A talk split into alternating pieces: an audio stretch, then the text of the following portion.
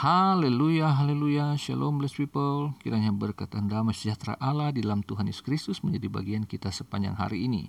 Jumpa lagi dengan saya Pendeta Theodorus dalam Renungan Kristen.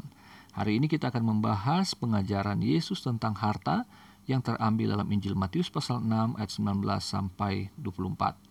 Begini firman Tuhan, Janganlah kamu mengumpulkan harta di bumi, di bumi ngengat dan karat merusakkannya dan pencuri membongkar serta mencurinya tetapi kumpulkanlah bagimu harta di sorga. Di sorga ngengat dan karat tidak merusakkannya, dan pencuri tidak membongkar serta mencurinya. Karena di mana hartamu berada, di situ juga hatimu berada. Mata adalah pelita tubuh. Jika matamu baik, teranglah seluruh tubuhmu. Jika matamu jahat, gelaplah seluruh tubuhmu. Jadi, jika terang yang ada padamu gelap, betapa gelapnya kegelapan itu.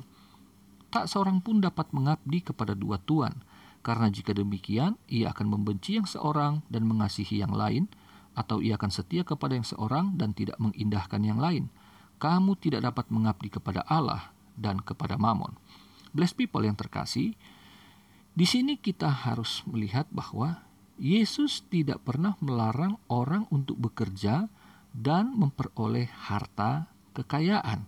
Justru Yesus mengajarkan orang itu harus bekerja dan bukanlah haram jika dari hasil kerja kerasnya seseorang memperoleh harta kekayaan.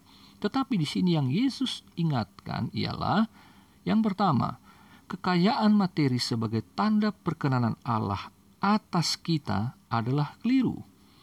Jadi banyak orang yang berpikir dan bahkan ada orang-orang juga hamba Tuhan yang mengajarkan dan mengklaim bahwa ketika Tuhan mengasihi jemaat, ketika Tuhan mengasihi hamba-hambanya, ketika Tuhan berkenan, maka ia memberkati sebagai tandanya adalah kekayaan akan menjadi bagian hamba Tuhan itu. Saya pernah mendengar seperti ini, bahwa ketika seorang hamba Tuhan yang tergolong dalam tanda petik sukses dan kaya secara materi, maka ia berkata bahwa kalau tahun ini Anda pakai motor, dan tahun depan Anda masih pakai motor, itu berarti ada yang salah dalam hidupmu. Engkau harus melakukan pemberesan di hadapan Tuhan. Jadi menurut hamba Tuhan ini bahwa kalau hamba Tuhan yang lain tidak memperoleh mobil di tahun yang berikutnya, maka sesungguhnya mungkin dimaksudkan secara kasar lah bisa dibilang bahwa hamba Tuhan itu dalam masalah hubungan dengan Tuhan.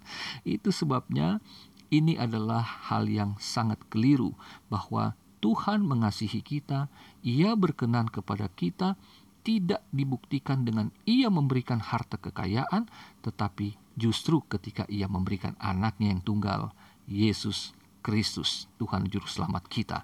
Dan ketika orang-orang yang tidak beriman, bahkan orang ateis, yang bahkan hidupnya tidak berkenan kepada Allah, tetapi mereka bisa jadi kaya raya, Masakan orang yang beriman disamakan dengan orang yang tidak beriman hanya karena ukurannya adalah kekayaan materi? Tentu ini tidak benar. Yang kedua, blessed people, hati kita tidak boleh terikat dengan harta dunia yang fana. Kita boleh memperoleh harta dunia, kita boleh bahkan menikmati harta dunia, tetapi hati kita tidak boleh terikat. Artinya cinta akan uang, cinta akan harta itu yang akan membuat kita pada poin yang ketiga memiliki pandangan yang keliru akan harta itulah yang dapat menjerat kita ke dalam penyembahan berhala yang di sini Yesus katakan mamon. Tidak boleh ada Allah lain. Tidak boleh mamon menggantikan posisi Allah. Bahwa kalau kita punya harta yang banyak, maka kita dapat mengharapkan dan mengandalkan harta itu. Inilah yang disebut pandangan yang keliru sehingga kita berpikir bahwa mamon itu setara dengan Allah. Dia dapat menyelesaikan segala masalah kita. Tetapi maksud pengajaran Yesus yang benar ialah yang pertama, Allah sebagai sumber hidup kita, harta dunia itu anugerah semata.